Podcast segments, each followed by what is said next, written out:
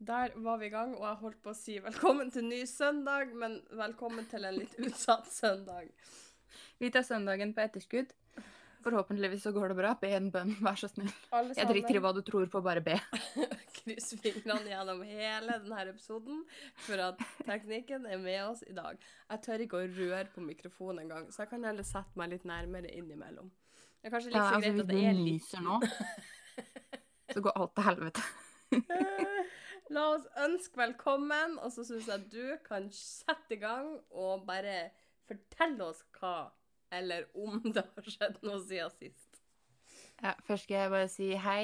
Velkommen til Skitprat med Melody og Sandra. Og så skal jeg berette at uh, den siste uken så har det ikke skjedd så voldsomt mye. Jeg satt uh, fargemodell for min frisørvenninne, så nå har jeg en eh, rød, lilla, blå, grønn, gul hockeysveis.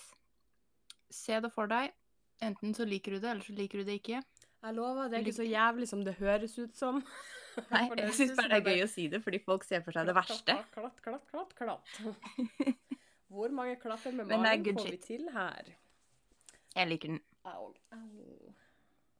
Oi, hva var det? Nei, det kan jeg fortelle om etterpå. Det bare gjorde litt vondt. ja, ok. Og så tok jeg meg en eh, god gammeldags Frøya-helg, og det var koselig. Jeg klappa katter og sett film og eh, spist mat og Ja, det var på tide. Det var egentlig det. Du var begynt å bli litt grumpy. Det var på tide. Grumpy? Hangry. Å ja. Ha-ha. Noen må være det òg. det var en forferdelig dårlig spøk. Jeg kunne ha spart meg for. Den eh, Nei. Minus fem av ti. Prøv på nytt. Senere. Men sånn utenom det har det ikke skjedd så veldig mye. Jeg har faktisk hatt det veldig fint. eh, og jeg håper det fortsetter å gå fint en liten stund til, for det syns jeg at jeg har fortjent. Jeg kunne ikke vært mer enig. Takk. Det varmer sjela. Det varmer hjertet. Jeg føler meg jeg fø Veit du hva? Du har ikke noe sjel, men OK. Greit. Hva er det jeg ikke vet? Det jeg skulle, det jeg skulle på det jeg skulle på vei til å si, det jeg var på vei til å si, er at jeg føler meg litt sånn som Grinchen om dagen, fordi jeg er faktisk i veldig godt humør. Og du vet den scenen på slutten hvor eh, hjertet til Grinchen vokser tre størrelser, og han blir glad og føler følelser. Jeg er litt sånn Det er litt skummelt. om dagen. Jeg er litt redd. Skummelt, men veldig koselig. Misforstå meg rett. Ja ja, altså eh, I og for seg så er det jo en bra ting, men eh, jeg er fortsatt litt redd, for det her er ikke normalt. Jeg trives ganske godt med det, fordi at eh, da er man ikke så redd for at du skal bite av med hodet, bare ser på det. Og det verste er at du er ikke den som får det verst heller. Det er noen der ute som vi egentlig burde synes veldig synd på. Jeg skal faktisk be ei bønn når vi er ferdig. For da er det bad. Men eh, kanskje du da har lyst til å berette om hvorfor du sitter der og auer deg sånn? Eh, jo, fordi at eh, jeg ikke har et ønske for øyeblikket om å bli mor. Mm. For tre år siden så eh, Ja, her er litt TMI. For tre år siden så fant jeg ut at p-piller, det var nå et herk. Og så Ja. husk en fuckings pille hver morgen når du ikke husker om du kledde på deg trusa eller ikke, og ikke minst om det var rett vei. Mhm. Så fant jeg ut at jeg skulle sette inn en p-stav. Og den må jo byttes når det går tre år. Den var bytta i dag. Så i dag ble jeg slisa opp, og det verste er at jeg, jeg måtte jo fortelle legen sin at du er ganske redd akkurat nå. Bare, ja, ja, ja. Så sier han, nei, men sånn legit. Jeg har ikke gjort det her før, så jeg er faktisk litt redd. Og så hadde han en sykepleier med som tydeligvis skulle lære hvordan det her skulle gjøres da. Og så... eh, Ja, du var litt guinea pig. ja, det føltes litt sånn ut at hun hadde funnet ut at «Oi, du skal gjøre det i dag. Det har jeg aldri sett, det vil jeg se. Eh, og jeg får jo bedøvelse, for først så igjen han sånn, jeg begynner å vaske meg og styre, så måtte jeg bare forsikre meg om at du skal ta bedøvelse, ja. Han bare, ja, jeg få bedøvelse, vi har masse ut av det. Jeg bare, ja, flott. Og så sa jeg ifra til han, så sier jeg, men du må faktisk si ifra når du stikker, så slipper du at jeg plutselig røkker handa ifra. Eh, For kroppen min bare vil ikke. Mm. Altså, når jeg sier du må si fra når du skal stikke, så sier du 'nå stikker jeg', så stikker du. Ikke si 'nå kjenner du et stikk', og så kan jeg faktisk si én, to, tre, fire, og så kom det. Så sånn Å, du er elendig. Men det gikk bra. Og så tenker jeg du må faktisk ikke si at nå kan det bli litt ekkelt, for nå skal jeg strekke i huden din. For da ser jo jeg for meg at du tar tak i begge sidene og bare river for å åpne den, for å få plass til fingrene, for å finne den der stikken som ligger oppi der. Så det var litt ekkelt, Ja. fordi at når at hodet mitt som kanskje noen funker, så er fantasien min ganske livlig. Når jeg da lukker igjen øynene mine, så ser jeg for meg mye. Mye jeg Ja. ikke vil se for meg. Men heller så ligger jeg på en benk, så skulle jeg nå svime av, så og ligge nå i ro. Så det har jeg gjort i dag. Og i og med at uka mi, som har vært, har vært veldig kjedelig, eh, fordi at jeg har vært litt skrann, så tenkte jeg å meddele en ting. Og dette kommer til å bli okay. siste updaten. For søndags natt, da var regnjakkemannen tilbake. Å Regnjakkemannen. Min favorittmann. Vel Fordi han ikke plager meg. ja, exactly. Bare, bare vent, jeg blir sendt dine vei. Det er vel ingen som er sjokkert over at samtalen starta med Har du regnjakke? What?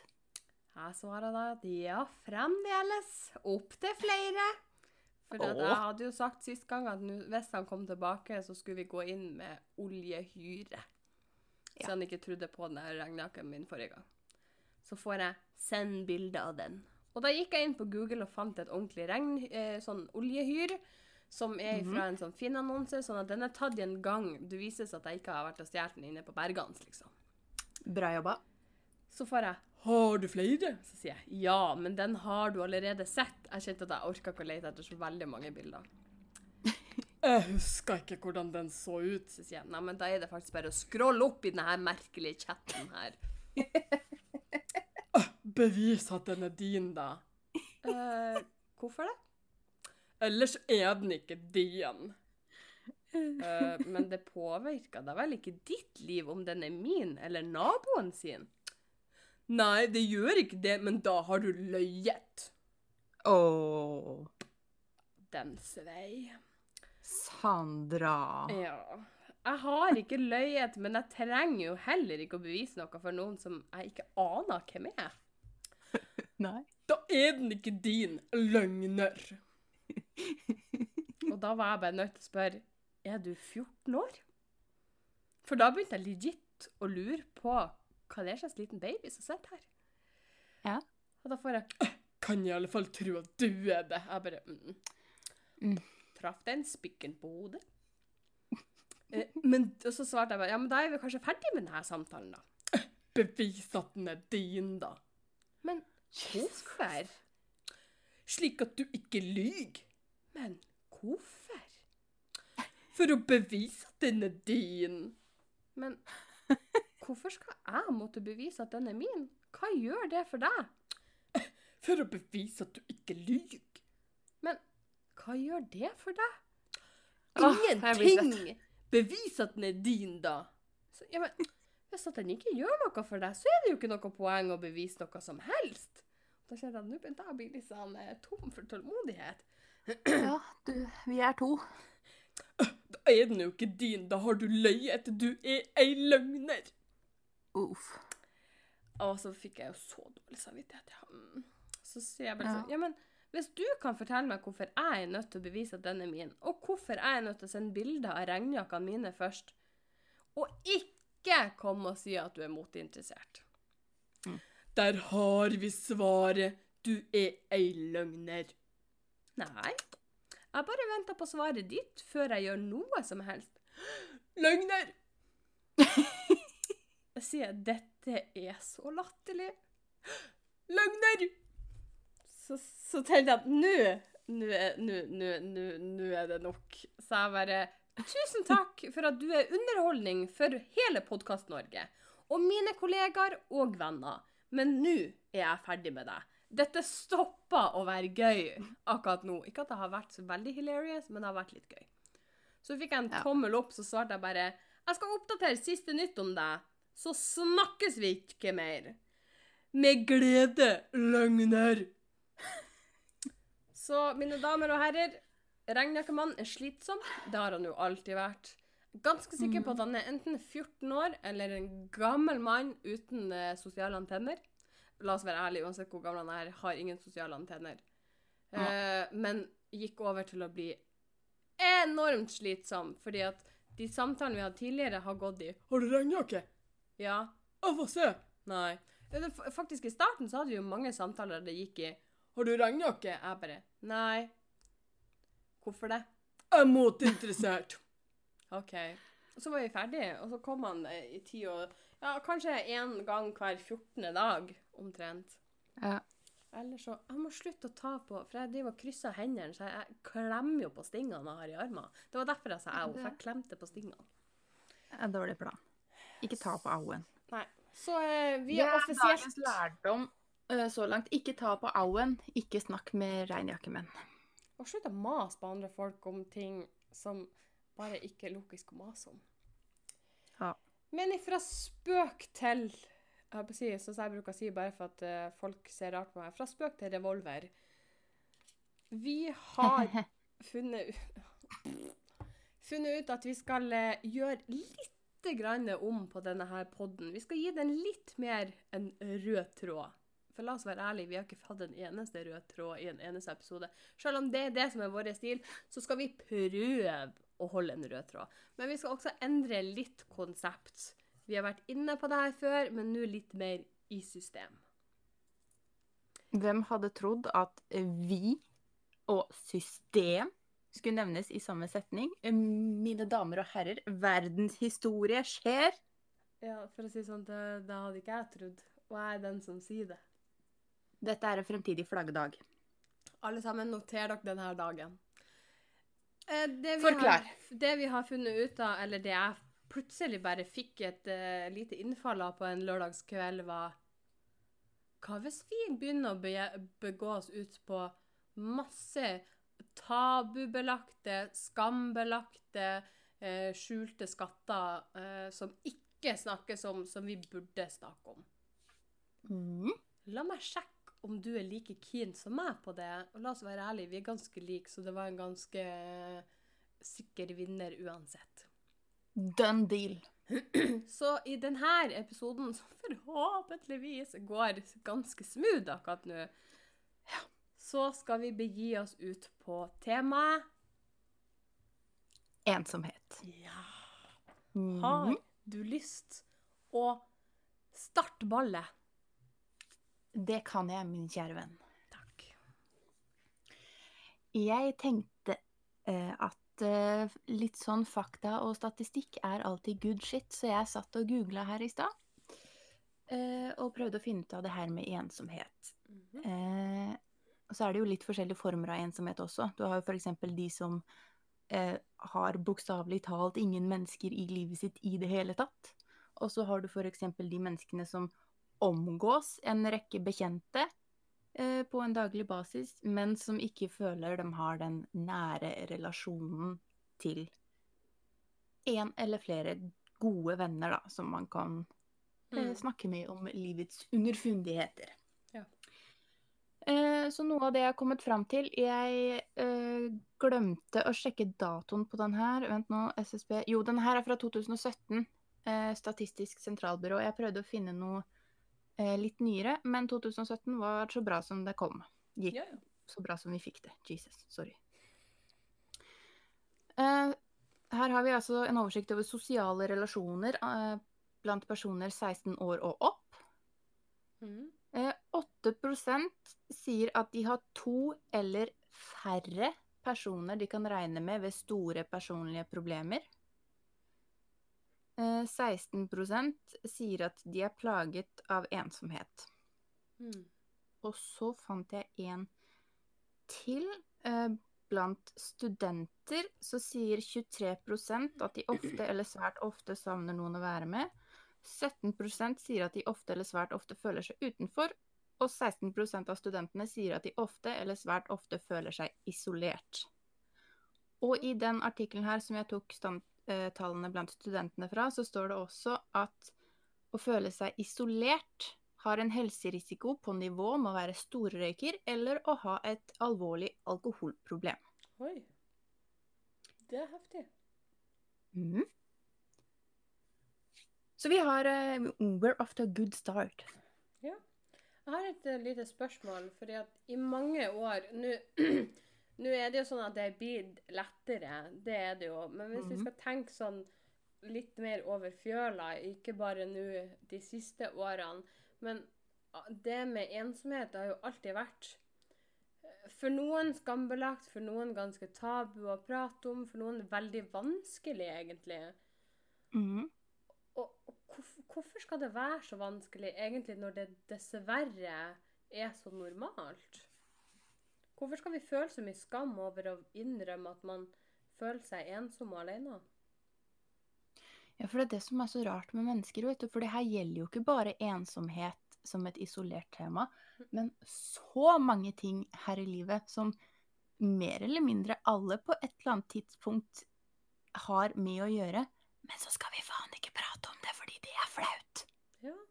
Og det syns jeg er så Det er sånn synd. eh, Basically, mer eller mindre alle har det sånn som deg. Innimellom. Så det er Mm. lov å si høyt at du er ensom, eller hva som helst annet som du syns er vanskelig i livet ditt. De fleste har en viss peiling på hva som foregår, for de har sannsynligvis vært igjennom noe lignende. Mm. Så det er egentlig ikke så flaut å si det høyt allikevel, fordi alle er Altså, alle er med på det, holdt jeg på å si. Ja. Men det er, det er lett for en sjøl å sitte og si. Mhm. For oss, for eksempel sånn som for meg og deg, som har valgt å gjøre det på denne måten òg, men både jeg og du både Du har nå hatt eh, din blogg, og du er nå veldig åpen om ting på TikTok og sånne plasser. Sånn at det er liksom Mm. Vi er egentlig to personer som til en viss grad er veldig åpne og syns det er veldig greit å snakke høyt om ting. Men det er jo dessverre ikke alle som er sånn. Jeg for eksempel, Det er jo ikke før i de, de siste årene jeg har begynt å snakke høyt om egen psykisk helse og mm. eh, ting som skjer i hodet, fordi at jeg f.eks. er vokst opp i en familie der vi ikke skal fortelle at vi sliter. Vi skal ikke fortelle at noe er litt tyngre enn det andre har, eller spørre om hjelp. Vi skal klare oss Mhm. sjøl. Gud, altså, Gud forby at vi spør litt om hjelp. Det er på en måte sånn jeg er vokst opp med, som har gjort at jeg har jo ikke eh, Jeg har jo snakka mye om det med mobbing og sånne ting, og i uh, forrige episoden det vi snakka om der også. Sånn at det er jo ikke før i de siste årene jeg har begynt å være ærlig Én ting er med meg sjøl, men også med mm. familien og de rundt. For at hvordan skal de forstå hvordan meg og min angst f.eks. fungerer hvis jeg ikke forteller om det? Ja, sant? Eh, Sånn at vi bruker liksom plattformen vår til å Altså, la oss være ærlige, for min egen del er det veldig godt å snakke om det. og jeg elsker jo å prate. Eh, Men også Jeg stiller som terapeut. ja, og, men også for å hjelpe andre til å se det at Men OK. Det er, finnes flere som tenker eller føler akkurat det samme som jeg gjør, og tør å snakke om det. For det Mhm. er vanskelig. Det er vanskelig å skal si det at jeg føler meg alene.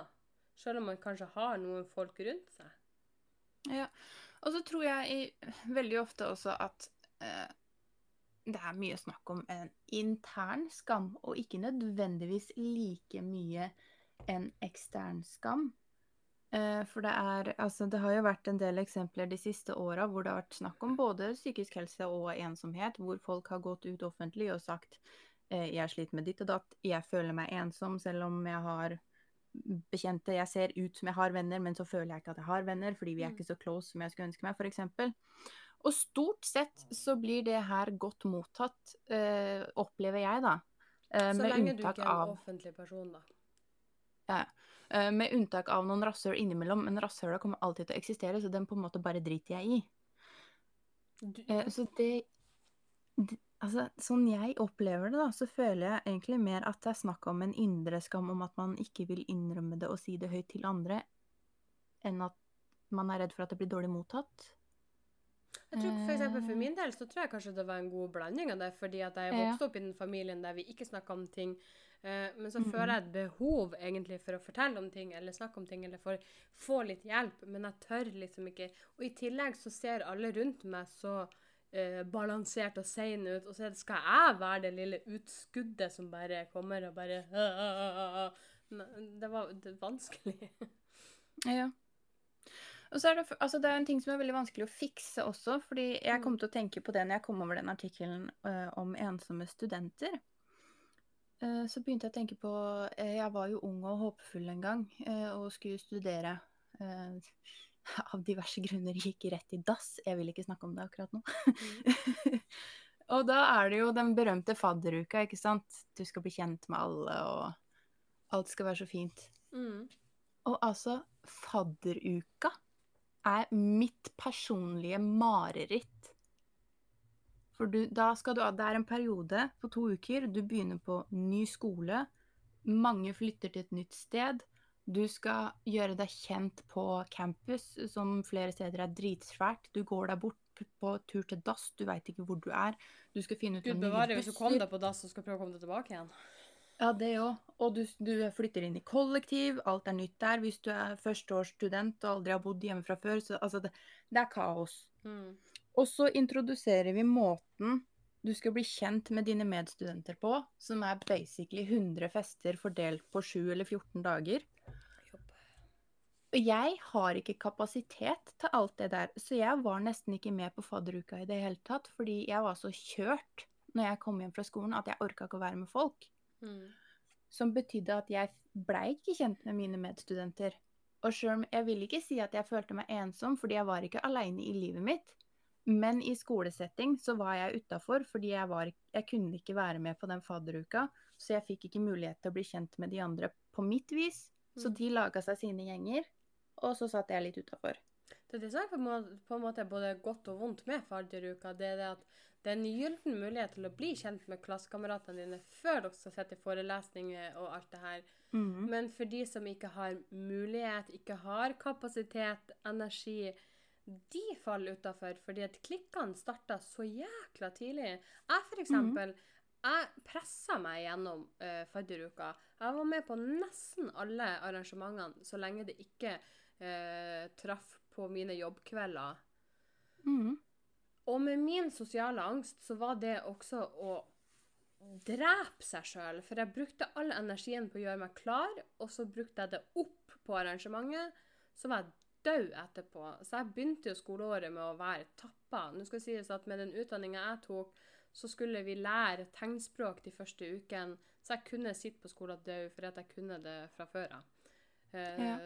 Heldigvis i den settingen, da, men likevel skulle jeg ønske at jeg hadde mer energi. Men det gjorde at jeg ble kjent med klassekameratene mine og var ikke så alene på skolen. Men på fritida derimot, så var jeg Sånn at jeg følte veldig på en sånn det, det, det føles veldig rart, for på skolen er jeg én person, men når jeg er hjemme er jeg en annen person. For på skolen er jeg sosial og har masse venner, men ingen av de var close venner, sånn at det var jo trivelig, men likevel så var det noe som mangla. Men det var jo fortsatt tidlig. Mens når jeg kommer hjem, så, så er vi jo ikke på en måte venner igjen, hvis du skjønner hva jeg mener. fordi at vi henger jo ikke på fritida. Mm. Og der er jeg jo Jeg skal ikke kalle meg sjøl verken stakkarslig eller stusslig, men hun, hun som faktisk er helt alene i en ny by. Ja.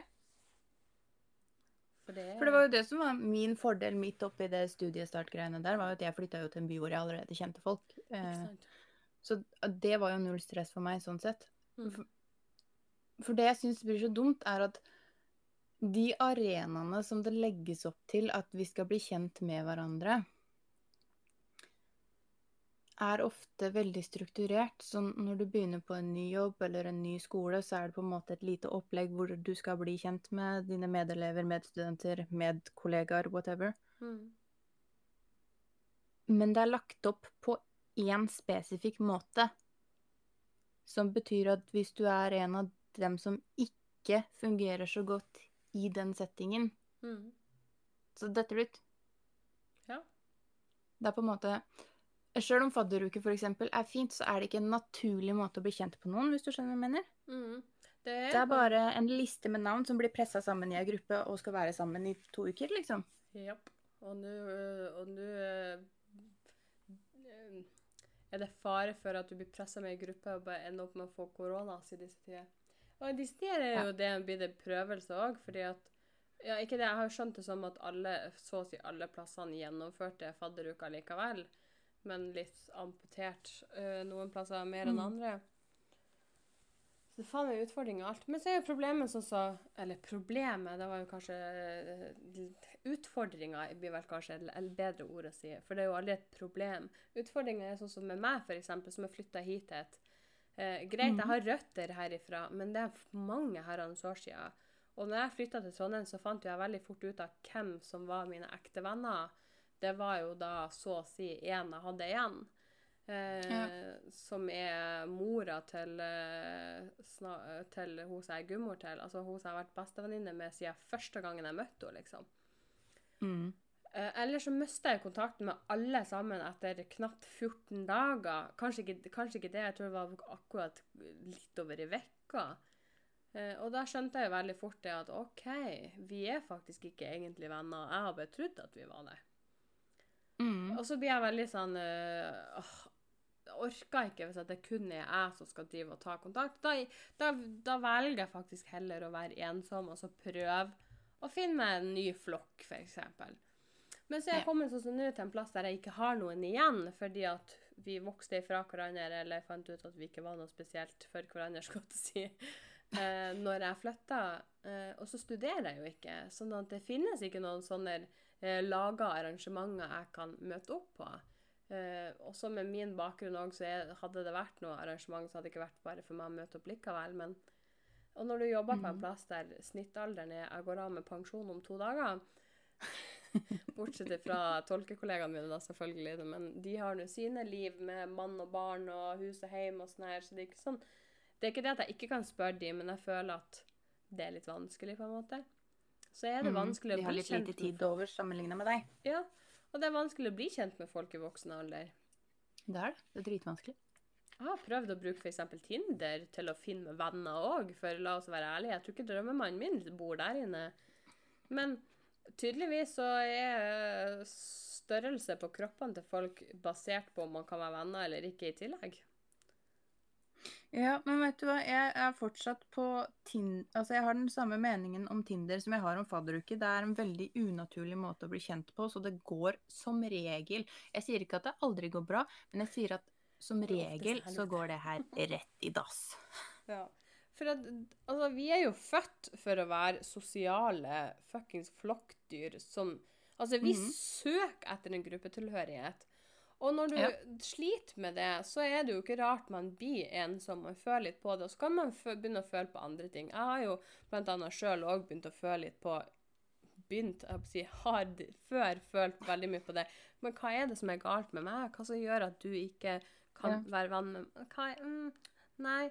For vi er jo født for å faktisk, sykt nok å si det, være avhengig av andre mennesker for at vi skal kunne overleve. Og vi er avhengig av å ha en flokk å tilhøre for at vi skal overleve og utvikle oss som mennesker. Det er ganske sykt når jeg er så lite glad i mennesker at jeg faktisk er avhengig av andre folk for at jeg skal klare å komme meg gjennom det her livet her. Fun fact litt på sidespor. Det er derfor det fins A- og B-mennesker, for at noen alltid skal være våken og passe på. det er jo Det er sant. dumt. Noen er våken om natta for å passe på deg, og det er derfor de fins B-mennesker. Vær litt mer glad for de B-menneskene. Ikke det at vi har så veldig behov for dem nå for å jage løver og whatnot eh, vekk når vi sover, men eh, intensjonen er der. OK. Og tilbake til det jeg snakka om, som ikke hadde med løver og det, men med flokken å gjøre. Altså, ensomhet, det er jo mye Jeg skal ikke si at det er bare men det handler jo mye om at man har et savn. Altså, at man har et savn etter nærhet, altså tilhørighet. Og et ønske om å ha, en menings, ha et meningsfullt fellesskap og tilhør. Og hvis man ikke føler at man har det, men at man man kan ha et For jeg har jo vært med i den settingen at jeg har et fellesskap som jeg til en viss grad hører til, men jeg føler ikke noe spesiell tilknytning til dem. For de er liksom De er venner, men vi er på et veldig overfladisk nivå. Jeg er litt avhengig av at vi kan gå litt dypere. At jeg er avhengig av at jeg kan stole på folk, ikke bare ha de overfladiske. Å, I dag så regna det, og i går Å, ja, vet du hva, jeg har en podkast, ja. Mm. Altså Jeg, Jeg vet trenger litt dypere. Mm. Og så trenger jeg litt Altså det syns vi har snakka om. Man kan være ensom med mange venner fordi at man har ikke Altså, vi alle trenger noen vi, vi, vi eh, føler oss mer knytta til enn andre, men, og de er Mm. jækla vanskelig å finne. Jeg bodde Ja, altså, ganske jeg mange år i Trondheim på- og var kjempeensom og hadde masse venner. Helt til at jeg Ja. ett menneske var dum nok til å introdusere meg for deg. og Det var var hadde en dag, ass. Fordi at jeg hadde jo ei bestevenninne som jeg følte en kjempetilknytning Men hun bodde jo nordafor. Så jeg hadde jo Mhm. ikke hun hver dag, liksom. Og hun hadde nå sitt. Og så ble nå hun mor og hadde enda mer Men vi har fortsatt hatt den samme connection hele tida. Men vi har ikke vært sånn fysisk nær, hvis det mm. ga litt mer mening. Vi har alltid vært psykisk nær, men ikke fysisk nær. Ja, for det jeg skulle til å si, i stad, at jeg gjør forskjell på bekjente og venner. Eh, jeg har veldig mange bekjente. Det er eh, mange jeg er på fornavn med, som jeg kjenner igjen, sier hei til hvis jeg treffer på butikken, kan snakke med om Oppdatere om hva faen som skjer i livet. Altså sånne små ting. Snakke om Mm. været. Helt greie folk. Har ikke noe imot dem. Men de er ikke vennene mine. Nei. Og det er det, hvis du ikke har de vennene, det er da folk begynner å slite. Og jeg fant også noe veldig interessant uh, som ga meg et helt nytt perspektiv når jeg drev og leita etter den statistikken i stad. Mm. Eh, fordi det er en psykolog og en psykolog som forsker på ensomhet, som Nå kommer jeg til å slakte et etternavn. Jeg beklager på forhånd. OK. Er det fordi ikke du klarer å uttale det? Det er derfor du kommer til å? Ja, jeg har Uff. Dette her er ikke good. For jeg veit ikke engang hvilket språk det er. Så han heter John til fornavn, den er jo grei. Og så er det noe sånn ka, Om det er Kasiopo eller Kakiopo, det veit jeg ikke helt. Det er noen noe seere inni her. Er et eller annet sånt noe. Eh, han sier det at hjernen din går inn i en overlevelses, overlevelsesmodus når du føler deg ensom. Eh, dette kan føre til at du blir selvfokusert og opptatt av hvordan du selv har det, og glemmer å fokusere på hvordan andre rundt deg har det. Det betyr at hjernen din gjør det vanskeligere for deg å komme deg ut av ensomheten hvis du først blir presentert for en mulighet. Det hjalp ikke. Nei, men da skal jeg være ærlig og si jeg kjenner meg igjen. Jeg har i, i mange år tidligere gravd meg ned med en gang jeg har følt Ja, meg ensom. Og bare «Åh!» Og så bare har jeg gravd meg ned i et svart høl til at noen har vært Ja. så dumme at de har klart å dra meg opp. For det jeg kom til å tenke på da, var at jeg har jo i løpet av mitt liv møtt mennesker som har vært ensomme på forskjellig vis. Og jeg skal innrømme at noen av de har jeg syntes det var veldig vanskelig å tilbringe tid sammen med, fordi de da, som jeg nå skjønte, har gått inn i det moduset der, og derfor blitt veldig selvsentrert og opptatt av seg sjøl og sitt. Mm. Og dermed vært litt vanskelig for meg å tilbringe tid sammen med, ikke sant? Fordi det eneste jeg da oppfatter er ja, at de er selvsentrerte. Ja. Plutselig skjønte jeg Men- mye av mange. Ja, jeg skulle til å si, for nå forstår jo jeg Nå forstår jeg hvorfor det var som det var. Men det, der er vi også tilbake til det jeg begynte med å si, begynte det her med det at hvis det hadde Nå vet jeg ikke hvor mange år det her er siden, men det, det er ikke fremdeles sånn for alle. Men hvis det hadde vært litt mer normalt og lett å snakke om, så hadde man kanskje kunnet klart å gitt noen signaler på at jeg Ja. er ikke så her skittig, jeg er bare jævlig ensom. Og klarer ikke å komme ut av den svarte grøfta jeg har laga meg, så kunne man klart å hjelpe de litt. Men i hvert fall kunne man klart å Ja. forstått. For det er det som er greia. For nå Altså, Hvorfor veit ikke alle det her? For nå har jeg den informasjonen og veit at det her er et menneske Det er faktisk ikke et skittig menneske, sånn som jeg trodde. Det er et menneske som faktisk trenger at jeg gir en liten dytt her. Ja. Det er ikke et personlighetstrekk. Det er en Jeg holdt på å si skade, men det er ikke det du skjønner hva jeg mener. ja, det er en liten skade, men eh, jeg skjønner hva du mener. Vi kan fikse det. Ja. Og det er derfor jeg syns at Poenget er at mennesket trenger faktisk tida mi. Ja. Og så, og så er det liksom Jeg skal jo innrømme det at i noen år Nå skal det sies at jeg var ganske ung da, så trodde jeg at jeg var veldig tydelig på hva jeg trengte, og hva jeg var, hva jeg sleit med. Eh, jeg trodde Var du sånn 14 år gammel tydelig? Eh, Nja, omtrent. Eh, men i mitt hode var jeg veldig tydelig. Men jeg kanskje var den her selvsentrerte, depressive, skittige personen akkurat da for andre. Men for meg sjøl så var jeg Mhm. egentlig prøvd å være tydelig, men ikke for tydelig for å skrike om hjelp. Mm. Plutselig så kjente jeg mange fjes igjen i hodet mitt og tenkte Du var en sånn, du var en sånn. Ja, du er ikke ikke så skittig, egentlig. Du er bare jævlig ensom. Ja, for det er det som er gøy. Det er ikke nødvendigvis snakk om personlighetstrekk. Det er snakk om at du har et problem i livet ditt, og vi kan faktisk fikse det.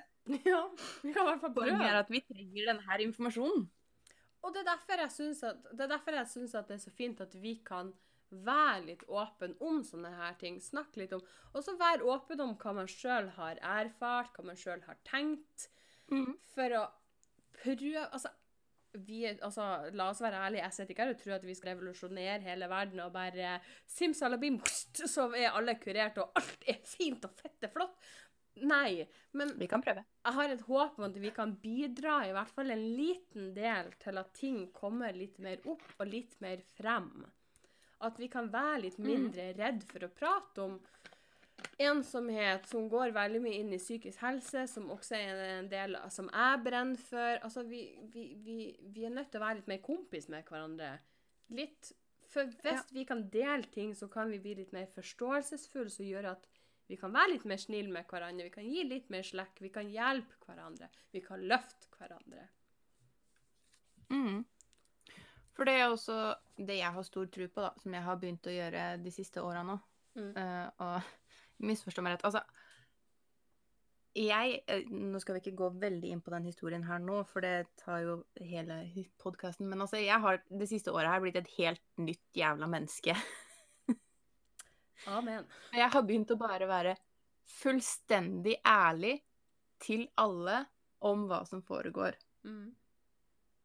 Og jeg tror det er nøkkelen til veldig mye, å bare være ærlig og, og si at sånn er det. Og det må vi bare deale med. Mm. For da, du kommer faktisk veldig langt med det òg. Hvis du er ærlig. De fleste aksepterer det faktisk, Mm. og er villige til å jobbe med deg for å finne ut av ting. Og de som ikke aksepterer det, trenger du ikke ha i livet ditt fordi det er søppel. Og da tenker jeg at kanskje man må begynne, begynne på det planet som jeg innså for noen år siden. At OK, men hvis jeg skal få det bedre på noe slags vis, eller få hjelp til å få det bedre, så må jeg begynne en plass. Og da er jeg faktisk nødt til å begynne å være ærlig med ett menneske, og det mennesket er meg sjøl. Man må være ærlig med seg sjøl, og så tror jeg man må finne ut av hva trenger jeg, og på hvilken måte trenger jeg det. Og så må man begynne Mhm. derifra. For med en gang man er ærlig med seg sjøl, og ikke driver og faktisk, så rart som det høres ut som, skjul ting for seg sjøl, spill så mye bedre enn det man tror, for man tror man kan lure seg sjøl. Så når man kan slutte med det, mm. så tror jeg det også blir veldig mye enklere å være åpen mot andre. Men i tillegg til at hvis man bygger på seg sjøl, så er det lettere å ta imot den, de folkene som ikke vil komme til å forstå. De folkene som du burde kutte ut av livet ditt fordi at de ikke de er ikke bra for deg. Men da er det enklere å takle Mm. dem. For hvis du ikke, for det, det kjente jeg jo sjøl, for hvis du ikke er ærlig med deg sjøl, og du ikke har klart å jobbe nok med deg sjøl til at du blir litt mer tjukkua, og du, du klarer det her, så er det hardt å møte på folk som Det ikke forstår. Det er hardt å møte på Det er de ingen som ene- påstår at eh, Jeg skulle bare si at det er ingen som påstår at det er lett. Nei, det her livet her, det, det er ikke for pysa!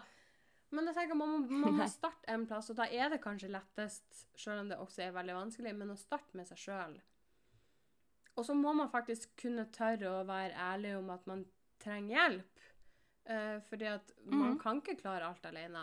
Og om det er en venn, om mm. det er mor di, om det er far din, om det er tanta di, om det er naboen din, eller om det faktisk er profesjonell hjelp, det spiller ingen rolle. Det- du må mm. gjøre, det er å begynne å ta vare på deg sjøl. Og da kan man komme seg ut av f.eks. ensomhet, som vi snakker om nå.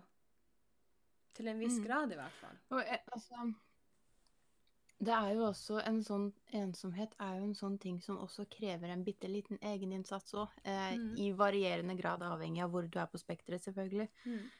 Eh, for sånn som eh, i mitt tilfelle, da, så var det jo en periode hvor jeg blei invitert med på ting, men så var jeg veldig sjuk, så jeg sa veldig ofte nei.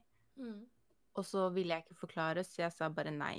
Og da kommer det jo til det punktet hvor ja, men Melodi kommer jo ikke uansett, så hvorfor skal vi invitere henne? Mm. Ikke sant? Som jeg forstår. Ja. Uh, Sjøl om det er alltid hyggelig å bli invitert. Uh, det er ikke det. Mm. Og da måtte jo jeg løse den på eget initiativ, for du kan ikke da sitte der og bare forvente at alle plutselig en dag skal komme på å invitere deg igjen. Mm. Så jeg måtte jo legge ned en egeninnsats og vise interesse, og sånn. Så jeg måtte finne tak i de fol folka mine og si ja, men nå har jeg lyst på en fest. Eh, Er det noen som vil være med meg? Mm. Og det gikk jo fint. Selv om det, det, det var en kneik å komme seg over, og jeg følte meg masete og i veien, og jeg tenkte ja, men de, de vil kanskje ikke være med meg likevel, for det var jo sikkert Altså, de har jo ikke invitert meg så lenge. Mm. Men de ville jo være sammen med meg, det var bare det at jeg hadde Jeg hadde dytta dem unna, ikke sant? Mm. Og det kjenner jeg meg veldig igjen på, fordi at jeg må ofte Mm. spare litt på energien min for av at jeg, er- jeg bruker å si jeg er redd folk. Det er min forsvarsmekanisme for å ufarliggjøre det og få det til å høres litt bedre ut enn det det egentlig er. Men min sosiale angst gjør at selv om det er folk jeg kjenner, så gjør mye folk og store folkemengder meg sliten.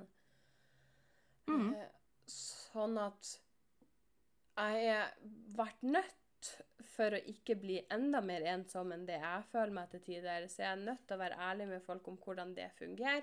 Eh, For jeg også var, har vært der jeg må si nei så mange ganger at jeg sjøl innså det at hvis jeg ikke presser meg sjøl nok mange ganger nå til å bare fuck it og bli med, så kommer de til å ikke ha lyst til å invitere meg lenger. Fordi at jeg husker jo den gangen jeg spurte og spurte og spurte og spurte hun venninna mi, og hun aldri ble med på noe. Jeg ga jo opp. Mm. Jeg vil ikke at de skal gi meg opp. Men sånn i ettertid, når jeg begynner å bli ærlig med meg sjøl, så skjønner jo jeg hvorfor hun kanskje ikke var med så ofte, fordi at hun har slitt med sitt. Og... Men det er litt vanskelig når du ikke Mhm. har begynt å bli klok på eget hode og egne tanker og hva du gjør. Så har jeg pressa meg så mange ganger at jeg har jo gått i kjelleren uhorvelig mange ganger. Mens jeg begynte å bli ærlig med folk på Ja. hvordan jeg fungerer. Sånn som folk på jobb. ble jeg invitert på en fest. Og de vet òg hvordan jeg og min angst fungerer, som gjorde at jeg ble spurt om hva de kunne gjøre for å hjelpe meg til å faktisk ha lyst til å være med. Eh, så måtte jeg også først informere om at det er ikke sånn at jeg ikke har lyst. Eh, Nå har jo jeg eh, flere folk som både venner og familie som ordlegger seg litt uheldig, og jeg har lært meg til at det er ikke meninga, det er ikke med vilje, liksom. Men å bli preppa på hvor mange som kommer, og hvem er de folkene jeg ikke kjenner, hjelper meg veldig mye. Jeg blir ikke noe mindre stressa, men på en måte litt mer forberedt. Eh, Jeg hadde jo for eksempel på nyttårsaften i fjor var jo et mareritt for meg. Jeg er jo avholds i familien, så der ble jo, eh, jeg ble jo sjåfør. Endelig kunne vi fære litt Eller endelig, sier jeg, det var kanskje stygt å si. Men når mamma og de hadde blitt invitert, et vennepar, eh, så skulle jeg og lillebror bli med, og så passet det jo veldig fint at jeg er avholds, for da kunne jeg kjøre. Og så er kanskje mamma litt sånn uheldig i måten hun formulerer seg på, som, jeg, som går greit, fordi at jeg er blitt så vant med at folk er litt uheldige på sånne ting de ikke helt forstår. Uh, der hun spør kan ikke, du, kan ikke du prøve å være litt sosial. Der er det sånn Ja, men du skjønner det at jeg prøver faktisk hele tida. Ja. Men så har mamma lært litt sånn etter at jeg begynte å fortelle, da. For hvordan kunne hun ellers forstå? Der hun har Mm. etterfølger det her uheldige lille uttrykket sitt med å preppe meg. Hvor skal vi? Hvor mange skal være der? Og hvem er alle som skal være der? Som gjør at jeg kan forberede meg.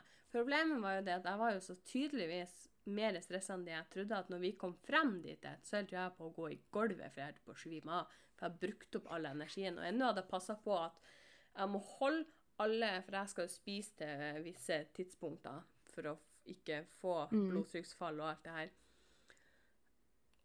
Og jeg trodde jo jeg hadde spist nok, for hver gang. Men jeg har vært så stressa at jeg har bare småspist, og så bare holdt det på å gå rett i gulvet. Takk og lov for at man sto nært en stol og bare kunne diskré sette seg ned og så svette litt. Grann, og bare vente til det gikk over. Istedenfor at du skulle være drama queen, så bare bom, lå på gulvet og bare oh! Nei. Sånn at man må bare Ja. Man finner seg teknikker innimellom. Ja, ja. For det er det jeg mener med å være ærlig også. At så lenge man Altså, så lenge man kommuniserer hva man trenger, så er de fleste veldig greie på å gi deg det du trenger. Mm. Det er ytterst sjeldent at noen ikke går med på det. Og som sagt, de som ikke går med på det, sayonara. For sånne folk trenger vi ikke i livet vårt. Amen. Så mitt lille ønske til folk der ute, som vi skulle kunne klare å nå med det her, det er at folk begynner å ta vare på seg sjøl. Begynner å tenke mm. litt hva Vel, rett og slett kan vi alle sammen begynne å være litt egoistisk til en viss grad, altså. På, det, på den graden at tenk på hva trenger jeg? Hvordan har jeg det? Hvordan kan jeg få det bedre? Mm. For hvis du ikke har det bra med deg sjøl, hvordan skal du klare å involvere deg med andre? På en god måte, og få Også, de dype vennene sine. Mm. Og så må vi på motsatt side høre på når andre kommer til oss. Absolutt. Mm. Og med disse Og hvis noen ja, Jeg skulle bare si hvis noen ordlegger seg litt uheldig, ikke gå rett i eh, ikke, ikke gå rett i furt. Dobbeltsjekk hva som var meninga med ordet. Jeg skulle akkurat ordet. si det. Og hva er ditt triks, da? Jo, Ja. spør. Spør. Si 'I'm confused'. Si Ja. Du sa bla, bla, bla. Jeg hører something, something. Var det det du mente? Mente du noe annet? Jeg er forvirra. Hjelp. Ja. Som regel så ordner det seg. Og med det så vil jeg også komme avslutte med en liten oppfordring til uh, dere som uh, hører på våre vakre stemmer. Hei, mamma. Kom med For vi kommer til å fortsette med det her. Vi kommer til å fortsette med ting som er vanskelig å snakke om, ting som er tabubelagt, skambelagt. You fucking name it.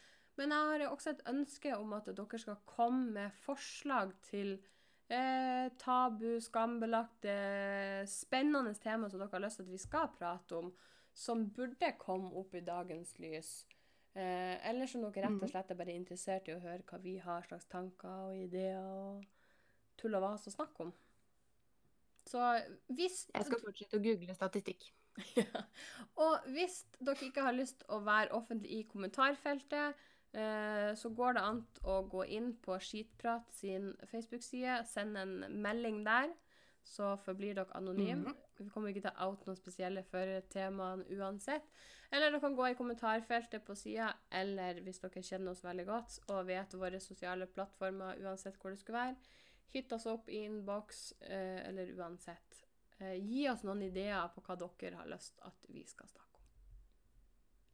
Men frykt ikke, vi har planer. Det har vi. Men vi vil gjerne høre fra dere òg. Og med det så sier jeg takk for meg og håper for alt i hele verden at dette funka flott. Ellers så blir jeg jo gråt.